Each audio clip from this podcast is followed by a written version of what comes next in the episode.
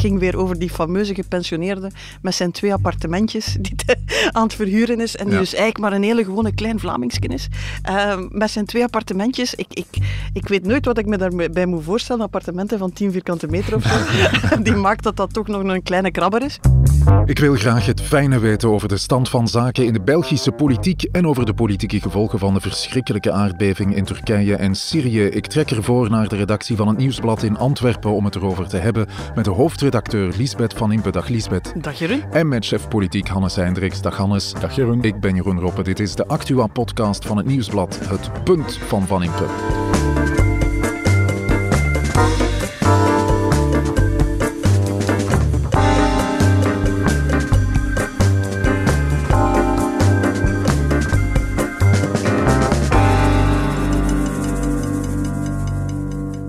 Laten we beginnen, Lisbeth, met waar we het niet over gaan hebben vandaag. Deze week moeten we dat wel doen, want de lijst met potentiële onderwerpen was gewoon te lang. Vorige week hebben we het stikstofakkoord links laten liggen. Vandaag opnieuw? We gaan het opnieuw links laten liggen, want ze zijn nog altijd aan het onderhandelen. Jan Jambon is niet naar Marokko vertrokken, want hij wil het akkoord gaan forceren. Maar dat forceren gaat blijkbaar nog even duren. En het zou een beetje knullig zijn dat wij hier van alles aan het uitleggen zijn. Wie weet komen ze daar toch met een akkoord buiten, of, met een definitieve breuk. Ja, inderdaad, of zonder akkoord. Dat of met ocasus, of weet ik we veel. We houden het warm, we houden het uh, voor volgende week. We gaan het gewoon, ja, we wachten op de afloop nu. Ja, de ballonnen boven de Verenigde Staten en uh, Latijns Amerika, die uh, ballonnen, die laten we ook links liggen? Uh, ja, we hebben het hier in deze podcast vaak over ballonnetjes die opgelaten worden, maar de, nu, nu leek het een fantastisch spionageverhaal en de Chinezen en er wordt van alles uit de lucht geschoten, maar de laatste, denk ik, 24, 48 uur begint er zo wat twijfel toe te slaan van wat is het nu juist. En, en het ja. zou kunnen zijn dat ze daar gewoon zeer enthousiast aan het kleiduif schieten zijn. Dus ja, we gaan even wachten tot ze goed weten wat ze daar eigenlijk ja, We kunnen op dit moment ook nog niet goed inschatten, Hannes, wat de gevolgen zijn van de ontruiming van het pand in de Paleizenstraten in uh, Brussel. Dus uh, daar gaan we het ook niet over hebben. Ja, maar de druk op uh, staatssecretaris Nicole de Moor begint wel serieus toe te nemen. Hè. Het is nu al de tweede keer dat er iemand dood wordt aangetroffen in de Paleizenstraat. De vraag is een beetje, ja, was dat een asielzoeker of iemand die hier illegaal uh, was uitgeprocedeerd? Als het effectief een asielzoeker is geweest, ja, dan zou die recht hebben op opvang. Dan had hij daar niet ja, mogen zijn. Ja, ja, inderdaad. Dus dat zijn de vragen die we nu proberen te beantwoorden. Ja, het is woensdagmiddag. Ja. Vanmorgen is het nieuws gekomen dat er een tweede keer een, een, iemand ja. daar overleden is en, en, we gaan daar niet over speculeren. Zullen we het dan maar hebben over uh, de Belgische politiek stilstand? Hannes, uh, is dat de situatie op dit moment federaal dan? Ja, er gebeurt niet veel en de kans dat er nog heel veel gebeurt, ja, die wordt eigenlijk met de dag kleiner als we de uitlatingen van verschillende betrokkenen horen. Hè. Het gaat dan over de pensioenen en fiscale hervorming vooral. Uh, maar ja. bon, ja, we gaan het erover het hebben. staat er stiller ja. dan in de file op de ring in Antwerpen. Ja, we moeten het natuurlijk ook hebben over de verschrikkelijke aardbeving in Turkije en Syrië. Lisbeth, in Turkije krijgt president Erdogan steeds meer kritiek omdat het land niet goed genoeg was voorbereid op die aardbeving. Is dat terecht, vind je? Dat is uh, hoogstwaarschijnlijk terecht. Alles wester, wester in ieder geval. En het legt een serieuze hypotheek op zijn herverkiezing, waar hij mij toch op gerekend had. Dus uh, toch iets om in de gaten te houden. Jean-Marie de Dekker kwam opnieuw in beeld. Rechtsliberaal, economisch rechts, ethisch progressief uh, noemt hij zichzelf. Hij denkt aan een doorstart van Lijst de Dekker, de partij die we bijna waren vergeten. Hannes, gaat hij het doen of gaat hij het niet doen? Well, is het nu al onafhankelijk in het parlement? Hij is verkozen op een N-VA-lijst. Maar Lisbeth, ik zie jou lachen, jij weet meer. Mm, we, zijn aan het rondwoorden. En, ja, ja, okay. ik, Hou het nog even stil. Het is voor ja, straks. Uh, voor uh, straks. Ik ben, uh, voor ik naar hier kwam, in Brussel even langs gegaan bij de Brussels Beer Project op zoek naar iets voor de volgende etappe in onze tournee Mineraal Bier zonder alcohol. Ik heb het gevonden. Je mag zelfs kiezen tussen een Picobello, een Pico Frutta en een Pico Nova. Ga je gang. Ik weet niet wat we nu hier al in de glazen hebben zitten, maar ik vrees dat ik hetzelfde ga moeten zeggen, maar met heel veel liefde als tijdens deze hele tournee Mineraal. Limonade. Uh, het lijkt weer een inderdaad. beetje op limonade. we zijn vertrokken voor een nieuw punt van Van Impen. Ik wil wel iedereen erop attent maken dat het 2023 is, niet 2024. De verkiezingen zijn volgend jaar. Dit jaar moet er nog gewerkt worden. Er is niemand op straat die, die, nu van ons verwacht dat iedereen bezig is met zijn eigen positie. Er moet hard gewerkt worden. Mensen hebben problemen. Mensen die werken moeten meer overhouden. Daar moet aan gewerkt worden. En kandidaat premier ambities, dat is voor volgend jaar. Een strijdbare Egbert Lachaert, de voorzitter van Open VLD, over het werk van de federale regering. Hannes, jij hebt hem eh, onlangs gesproken, hè, de voorzitter van Open VLD. Ja, inderdaad. Afgelopen weekend hadden we een weekendinterview met Egbert Lachaert in onze krant. Was hij toen ook zo heel- strijdbaar? Een heel weekend plezier mee gehad, hè? Ja, hij was een beetje kwaad op ons eh, achteraf, eerlijk gezegd. Oh, waarom? Ehm, ja, ik heb nogal veel eh, WhatsApp-berichten gekregen. Hij wou eigenlijk een aantal punten maken over de Vlaamse regering en de stilstand daar. Onder meer rond het stikstofakkoord, groene stroomcertificaten.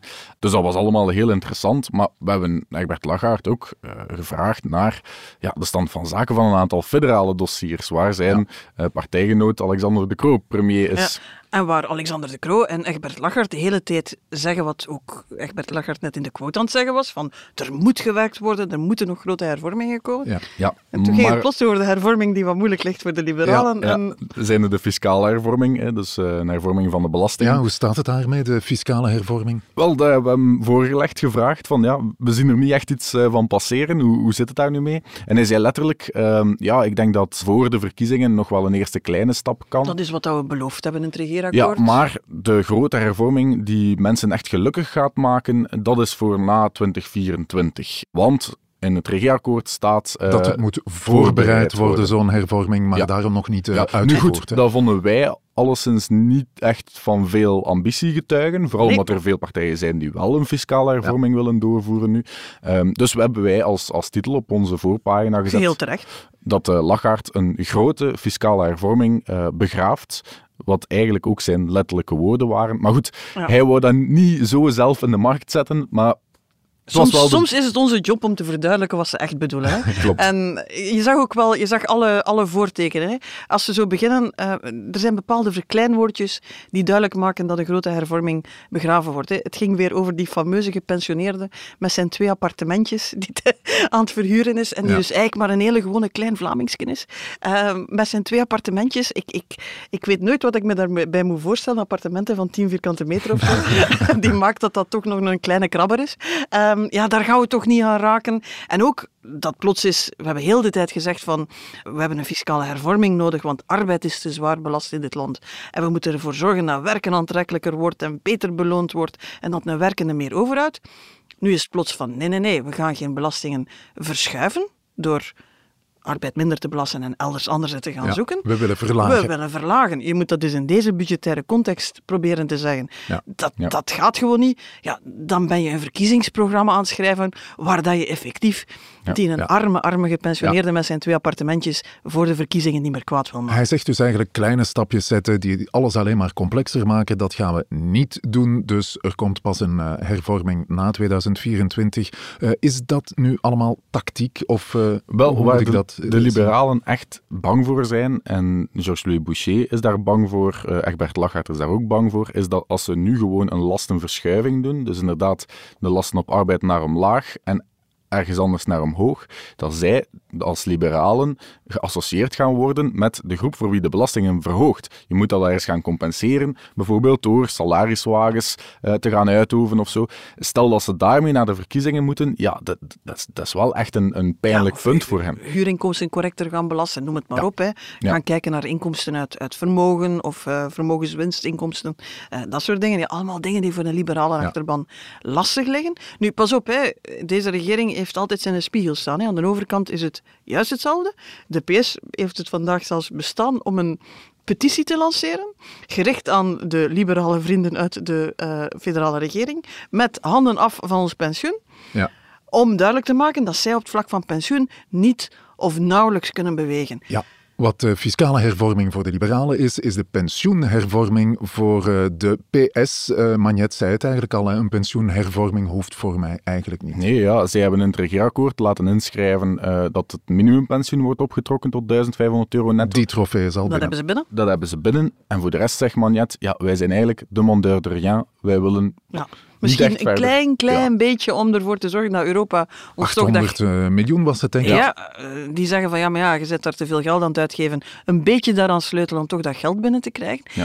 En het gekke is, die situatie waar we nu in zitten, zou eigenlijk ideaal zijn om een grote deal te sluiten. Iedereen wil iets en iedereen wil iets niet. Ja, dus ze kunnen kun allebei eh, scoren, ze kunnen allebei een eh, trofee binnenhalen. Alles op één grote hoop op tafel. Iedereen kan zijn trofeeën eruit halen. Iedereen heeft ook iets dat hij moet slikken en verkopen aan een achterban. Als je echt een hervormingsregering bent, is dit de gedroomde situatie. Er ligt meer dan genoeg op tafel om Ja. op zoek te gaan naar een nieuw En evenwicht. toch kan het om een of andere reden niet, Ja, eh, die Lisbeth om een of andere reden is vrij simpel, hè, dat dit geen hervormingsregering is en dat Ja. ze dus wel op de zevende dag komen vertellen dat onze titel helemaal niet klopt, maar dat ze au fond eigenlijk weten dat hem helemaal juist is. Ja, dan kijkt eh, iedereen toch in de eerste plaats naar de premier, Alexander De Croo. Gaat eh, hij nog iets kunnen forceren, denk je? Wel ja, dat is nu een beetje de vraag. hè. Gaat hij zijn partijstrategie volgen en dus effectief ervoor zorgen dat die fiscale hervorming er niet komt? Want dat is een voordeel van de liberalen eigenlijk. Ehm, zijn passage op de zevende dag liet dat eigenlijk ook uitschijnen, want hij zei bijna exact hetzelfde als, als Egbert Lachaert. Wie Egbert. Lachaert verkeerd begrepen had, wist met Alexander de Croo dat hij, ja, Ja, dat, dat onze interpretatie Ja, wel inderdaad. klopt. Hè. Of neemt hij echt wel de rol van premier op en probeert hij, want dit is wel echt een cruciaal moment in, in de legislatuur, Ja. misschien zelfs het belangrijkste. Probeert hij die deal te maken en die is eigenlijk niet zo heel moeilijk. Hè. Eh, je Wel, je moet hem nog altijd maken Ja, en het zijn dingen die heel gevoelig Nee, liggen. Hè, dus Dat is waar, dat is waar. Maar laat de liberalen toegeven op eh, de fiscale hervorming en, en de socialisten Ja. op de pensioenen. En je kan perfect een Ja. eh, package deal brouwen. Het is eh, money time. De komende weken heb ik eh, door eh, voor de premier. Stel, eh, er komt niks uit, Lisbeth, dan is het complete stilstand. Heeft eh, deze regering dan nog wel zin? Moeten we dan denken aan eh, vervroegde verkiezingen? Die vraag wordt vaak gesteld. Ik ben altijd geneigd om te zeggen dat die regering dus nooit zich zal voortslepen tot het bittere eind. Om de eenvoudige reden dat er te weinig partijen een veilige gok kunnen wagen richting vervroegde verkiezingen. De meeste staan op verlies. En ik heb er een nieuw criterium voor mezelf aan toegevoegd. Lopen er nog televisieprogramma's waar belangrijke politici aan meedoen en waar de finale nog niet van uitgezonden is, dan is het teken dat we nog niet direct naar verkiezingen gaan. ik weet niet of je het gezien hebt. Onze goede vriend Boucher duikt eh, opnieuw op in een nieuw televisieprogramma. Hij Ah, gaat je hem. hij gaat de zwaarste training gaan volgen van de SAS. En dan denk ik, als, als de voorzitter tijd heeft om eh, dat te doen en volop wil oogsten van het feit dat hij eh, veerkracht toont, Ja. want dat is het. Het gaat over mentale veerkracht die de toppoliticus nodig heeft. Ja, dan gaan we nog niet naar verkiezingen. Hè. Dat kan niet. Hè. Oké, Hannes, ik heb hier een paar interessante dingen gehoord. Laten we eens eh, proberen het punt te maken. De verkiezingen van volgend jaar, die verlammen Vivaldi. Premier De Croo zal moeten kiezen tussen het partijprogramma van Open VLD en Vivaldi als hervormingsregering. Er zijn nog twee heel belangrijke dossiers die op eh, het bord van de regering liggen. Dat is enerzijds pensioenen, anderzijds de fiscale hervorming. De liberalen en socialisten houden elkaar daarbij in een houtgreep. Het zal aan de premier zijn om die situatie te ontmijnen en toch een groot akkoord eh, te brouwen. Als hij daarin slaagt, ja, dan kan het wel zijn Ja. dat zijn regering effectief een hervormingsregering is geweest Ja. op een aantal vlakken. Maar we moeten streng zijn. Een echte hervormingsregering zou deze kans niet laten liggen. Ja. Die ziet daar die dossiers klaar liggen, klaar om te plukken. En die zou zeggen van, nu gaan we doordoen. Wij zouden ons geld niet op inzetten. Het punt van Van Impe.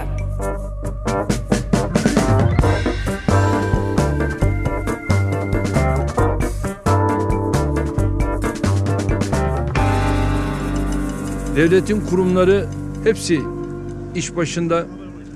İlk gün tabii ki bazı sıkıntılar yaşandı ama ondan sonra ikinci gün ve bugün duruma hakimiyet tesis edildi. Je hoorde de president van Turkije, Erdogan, die zegt dat er eh, vlak na de aardbeving in het land wat problemen waren met de hulp, maar dat intussen alles onder controle is. Maar eh, Zo zie je maar dat iedere dictator ooit comical Ali wordt. Die zei dat alles onder controle was, terwijl je ongeveer achter zijn rug de bommen op Bagdad zag ja, inslaan. dat was de man die het eh, woord nam altijd toen in de oorlog. Ehm, op het nieuwsblad.be en in de nieuwsblad-app Lisbeth zag ik een mooi overzicht van de acties die je kan steunen om de getroffen gebieden in Turkije en in Syrië te helpen. Eh, doneren heeft echt wel zin, hè? dat is de boodschap. Absoluut. Je ziet ook, het is het aan het verschuiven. Hè. Aanvankelijk zijn er hele mooie initiatieven opgezet om van alles in te zamelen. Kleren, eten, noem maar op.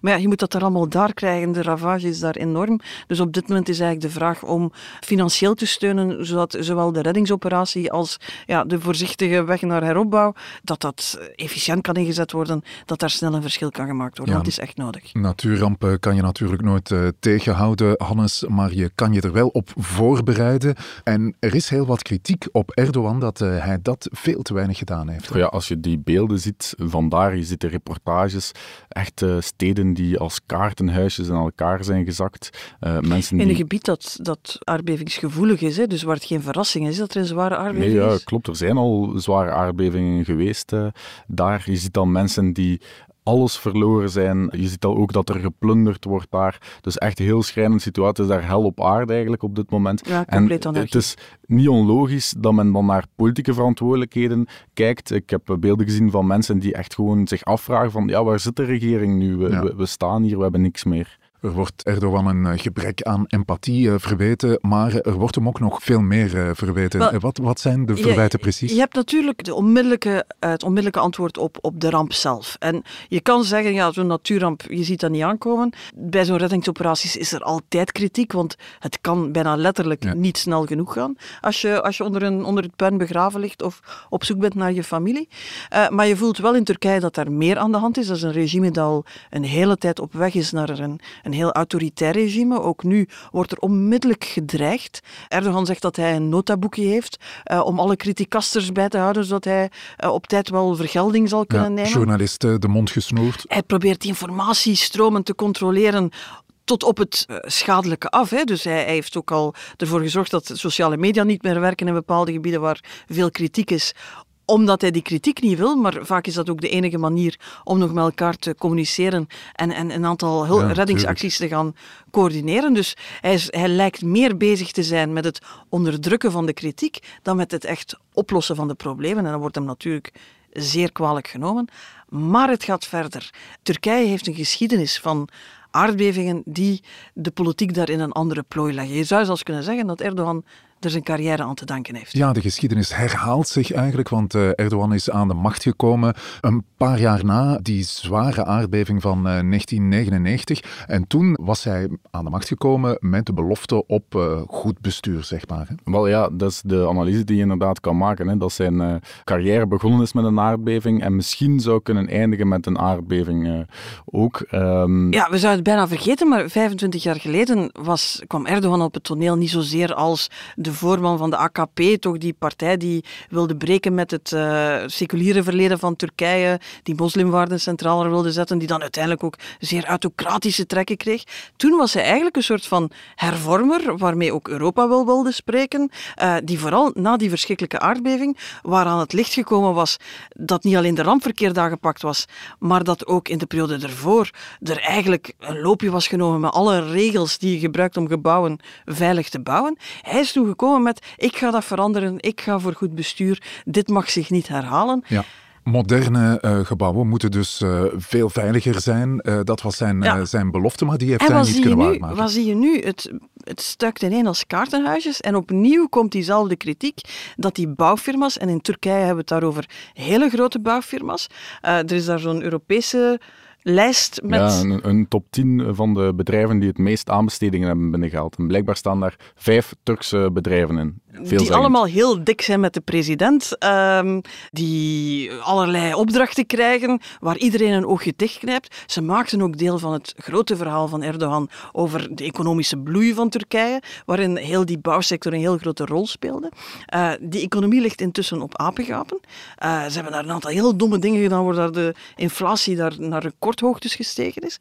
En nu blijkt ook die motor van die economische groei van de voorbije decennia eigenlijk gewoon hetzelfde gedaan te hebben als vroeger en weer huizen gebouwd te hebben die bij een serieuze aardbeving, die in die regio wel eens voorkomt, gewoon ja, waanzinnig veel slachtoffers maken. Dus de kwaadheid daarover, dat kan je moeilijk overschatten. Een sfeer van eh, corruptie, vastgoedmagnaten die vrij spel krijgen. De mensen zijn eh, zeer kwaad. Waar eh, gaat dat eh, eindigen, denk je, Hannes? Goh, ja, ik- ik- om het er nog eens eh, op die kaartenhuisjes eh, te spelen. In onze app hebben we een, een reportage van een, een stadje dat wel volledig is blijven Ja, rechtstaan. er eh. staat er bijna als een beschuldiging van het hele beleid van Erdogan, omdat daar een burgemeester zat die weigerde om promotoren toe te laten die aan het foefelen waren met de regels, die wel gezegd heeft, Ja. dat moet hier veilig zijn, en dat staat daar nu bijna als een beschuldiging midden tussen de ruïnes van het beleid van Erdogan. Hè. Dus dat wanbeleid is echt wel heel zichtbaar. En als je dan denkt dat de Turken binnenkort naar de de uh, stembus moeten. In mei zijn het uh, verkiezingen, als die tenminste doorgaan. Ja, normaal gezien wel. Ja, dan kan deze aardbeving wel echt heel grote gevolgen hebben voor Erdogan ja. zelf en zijn politieke voortbestaan. Hij heeft, pas op, hij heeft, een, heeft er alles aan gedaan om zijn greep op de Turkse samenleving en politiek alleen maar sterker te maken. Dus het is moeilijk geworden om hem weg te krijgen. Maar je had al alle kritiek op het economisch beleid. Je hebt nu die ramp. Uh, dan die reflex om te gaan afdreigen en ook die reddingsoperaties niet goed te laten verlopen. Dan lijkt mij een heel gevaarlijke cocktail te zijn. En eens te meer blijkt dat, dat autocratische leiders, dat soort dictaturen, heel zelden goed bestuur opleveren. Ik denk dat dat een punt is dat Bruno de Wever wel eens maakt. Uh, dat de bekende historicus. wordt verschrikkelijk veel energie gestoken in het projecteren van macht en controle en noem maar op. Maar dan botsen ze tegen de realiteit aan en dan blijkt eigenlijk dat het elementair goed bestuur, dat veel minder sexy is, waar je geen schone statiefoto kunt van maken, maar dat er wel voor zorgt dat je gebouwen bijvoorbeeld overeind blijven staan en dat reglementen nageleefd zijn, ja, dat dat dus erbij ingeschoten heeft, allemaal voor meerdere eer en glorie van de grote leider natuurlijk. Ja, het is iets dat we hier uh, op de voet volgen natuurlijk, want we zijn uh, uiteraard ook uh, betrokken. Hè. Heel veel mensen in Europa hebben Turkse origines. Hè. Turkije is ons dichtste buitenland hè, vanuit Europees perspectief. Er wonen heel veel, heel veel Turken in Europa. Dat merk je nu ook aan, aan de reddingsacties, dat dat heel veel families zijn die, die, die, die, gewoon persoonlijk betrokken zijn. Maar ook, ja, Turkije maakt deel uit van de NAVO, iets wat we ons weer beter realiseren uh, sinds de oorlog in, in Oekraïne, waar de Turken dus ook een belangrijke rol in spelen. Uh, met Turkije hebben wij akkoorden over vluchtelingen tegenhouden of zorgen dat ze het Europese vasteland niet, uh, niet bereiken. Dus politieke verandering in Turkije is iets wat je hier vanuit België en Europa met argusogen moet volgen. Ja, tweede punt vandaag. Natuurrampen kan je natuurlijk niet tegenhouden, maar je kan er je wel op voorbereiden en dat is in Turkije duidelijk veel te weinig gebeurd. Ja, dat komt nu heel duidelijk naar de oppervlakte en Erdogan moet herverkozen worden en dat zou wel eens uh, een dubbeltje op zijn kant kunnen worden uh, op dit moment. Ik moet zeggen, ja, een, een politieke geschiedenis waar zo af en toe aardbevingen doorkomen, het is, het is iets gek, maar ja, je ziet wel hoe dat dynamieken op gang brengt die je niet meer kan controleren, zelfs niet als je dacht dat je de almacht in Turkije al verzameld had. Het punt van Van Impe.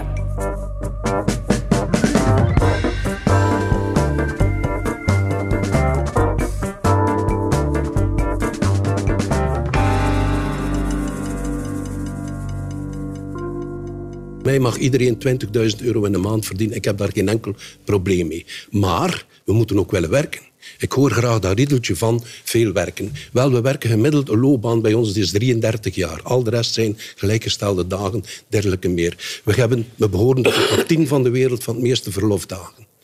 Allemaal niet vergeten. En qua prestatie komen we niet in de top 20 voor.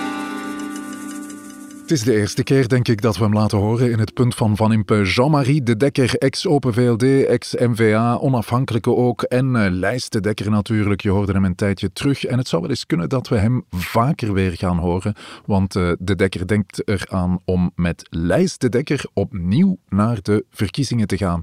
Hoe zijn jullie daarachter gekomen, Hannes? Wel, het was onze journalist Pieter Lessaffer die eigenlijk aan het uh, bellen was binnen MVA over de lijstvorming, hoe ze naar de kiezer trekken. En hij hoorde daar toch enige ongerustheid over Jean-Marie de Dekker, die um, een vergaderzaaltje had. Er was een vergaderzaaltje geboekt en daar werd, dat was al voldoende om iedereen een beetje zenuwachtig te maken. Ja, hij is verkozen als onafhankelijke op een lijst van uh, eh, NVA en uh, zit zo uh, in het parlement, de Dekker.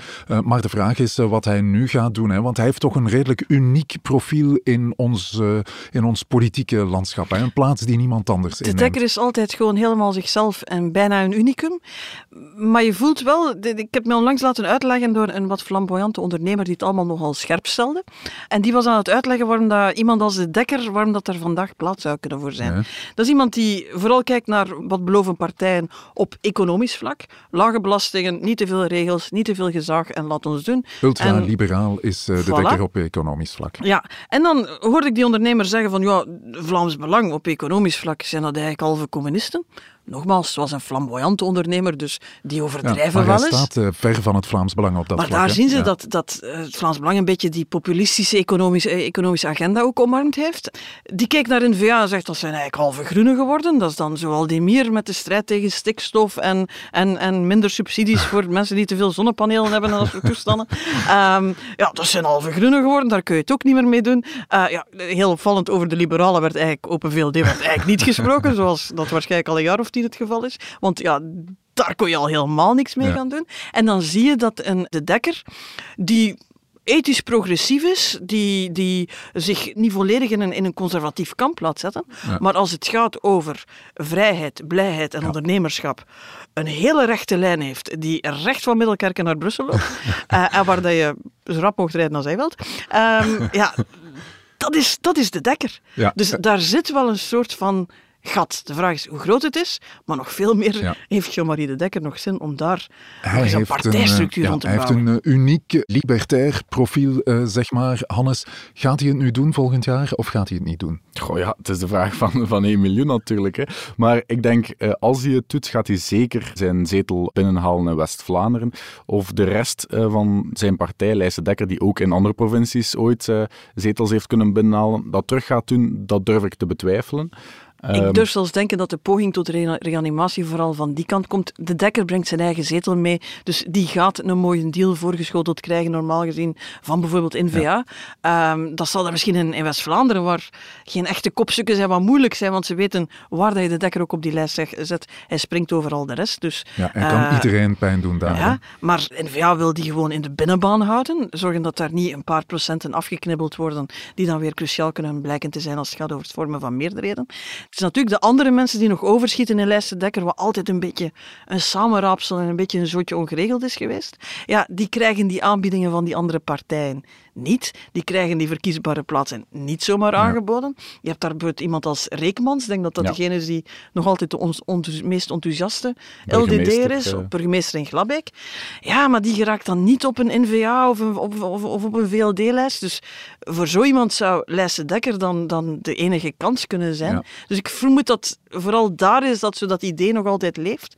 Maar je weet het natuurlijk niet. Als er genoeg mensen aan zijn mouw trekken, als er genoeg mensen met geld ook eh, eventueel willen komen helpen, kan je het nooit weten natuurlijk. hè. Ik, ik, ik snap wel dat NVA het heel goed in de gaten Het gaat eh, houden. meest recente dat ik vernam van Jean-Marie de Dekker was een tweet. Ik eh, zal hem eens voorlezen. Nieuwe menukaart in het Vlaams parlement. Lisbeth Wijwater, Max Havelaar koffie, lavamelk, eh lamamelk, sorry, linksgedraaide yoghurt eh, van Nepalese jaks, biologisch quinoa taartje met ongezwavelde rozijnen en suikervrije fopspin. Het enige wat verwonderlijk is, is dat Jean-Marie de Dekker één weet wat quinoa is.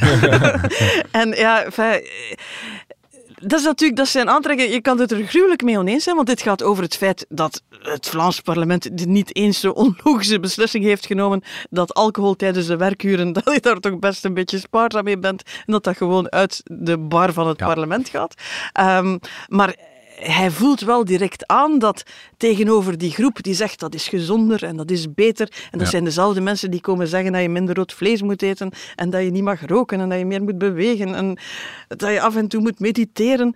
Dat daar ook een grote groep tegenover staat die zegt laat mij eens een beetje gerust en Ja. laat mij eens mijn eigen keuzes maken, laat mij een beetje van het leven eh, genieten. Die spanning, ik denk dat we die Ja. de volgende jaren alleen maar verder gaan zien toenemen. En daar is Jean-Marie de Dekker met alle G's en alle H's op de verkeerde plaats de perfecte woordvoerder van. Ja, dat is eh, het derde punt. Eh, Jean-Marie de Dekker neemt een unieke plaats in, in ons eh, politieke landschap. Maar voor de verkiezingen kiest hij wellicht voor een plaats op een, eh, een bestaande lijst. Het zou zomaar kunnen dat hij nu op dit moment gewoon zijn prijs aan het opdrijven is door eh, zelf met een aantal mensen te gaan spreken. Eh, ik denk dat op dit moment heel prematuur is dat hij met zijn eigen partij terug naar de verkiezingen trekt. Ja. Pas We gaan op, het zien. mijn, mijn eerste reactie was ook van, wil die echt nu nog eens naar Brussel? Is burgemeester in Middelkerken, als je hem daar over de dijk ziet lopen, daar krijgt hij eindelijk alle politieke erkenning die Ja. hij al die jaren in de wedstrijd gezocht heeft. Ik weet, zijn vrouw is geen grote fan dat hij naar Brussel blijft rijden, dus we gaan nog helemaal moeten zien wat eh, Jean-Marie de Dekker doet. Maar als hij opkomt, dan zal hij in het parlement zitten. Het punt van Van Impe.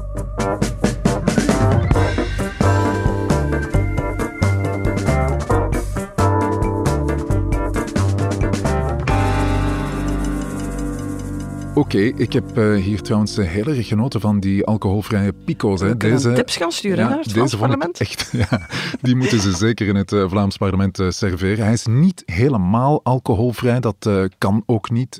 Ja, nee, sorry, Jeroen. ik hoop dat ik je niet choqueer. Jeroen, Lisbeth. we gingen orthodox zijn voor ja, vier uitzendingen. Maar de brouwer heeft mij verzekerd dat er niet meer dan 0,1% alcohol in zit. En zoals je weet, in de politiek is alles onder de 5% verwaarloosbaar, dus 0,1% uh, zeker. Hè. Uh, ja. In Frankrijk, naar het schijnt, dat uh, wist hij mij ook te vertellen, noemen ze iets sans alcohol onder de 1,5 procent. Dus daar ligt de, de lat eigenlijk een stuk lager dan bij ons. Bij ons ja, mag er 0,3 in zitten. Ja. Voilà, tot het volgende punt van Van Impe zeker. Ik neem deze punten mee naar Brussel. Ciao, tot volgende week. Tot volgende week. Dit was het punt van Van Impe, een podcast van het Nieuwsblad. Je hoorde de stemmen van hoofdredacteur Liesbeth Van Impe en van Hannes Hendricks, chef politiek. Dank aan de VRT voor de audioquotes, aan Pieter Schevers voor de muziek en aan Pieter Santens van House of Media voor de montage. De productie was in handen van Joni Keimolen. Tot het volgende punt van Van Impe.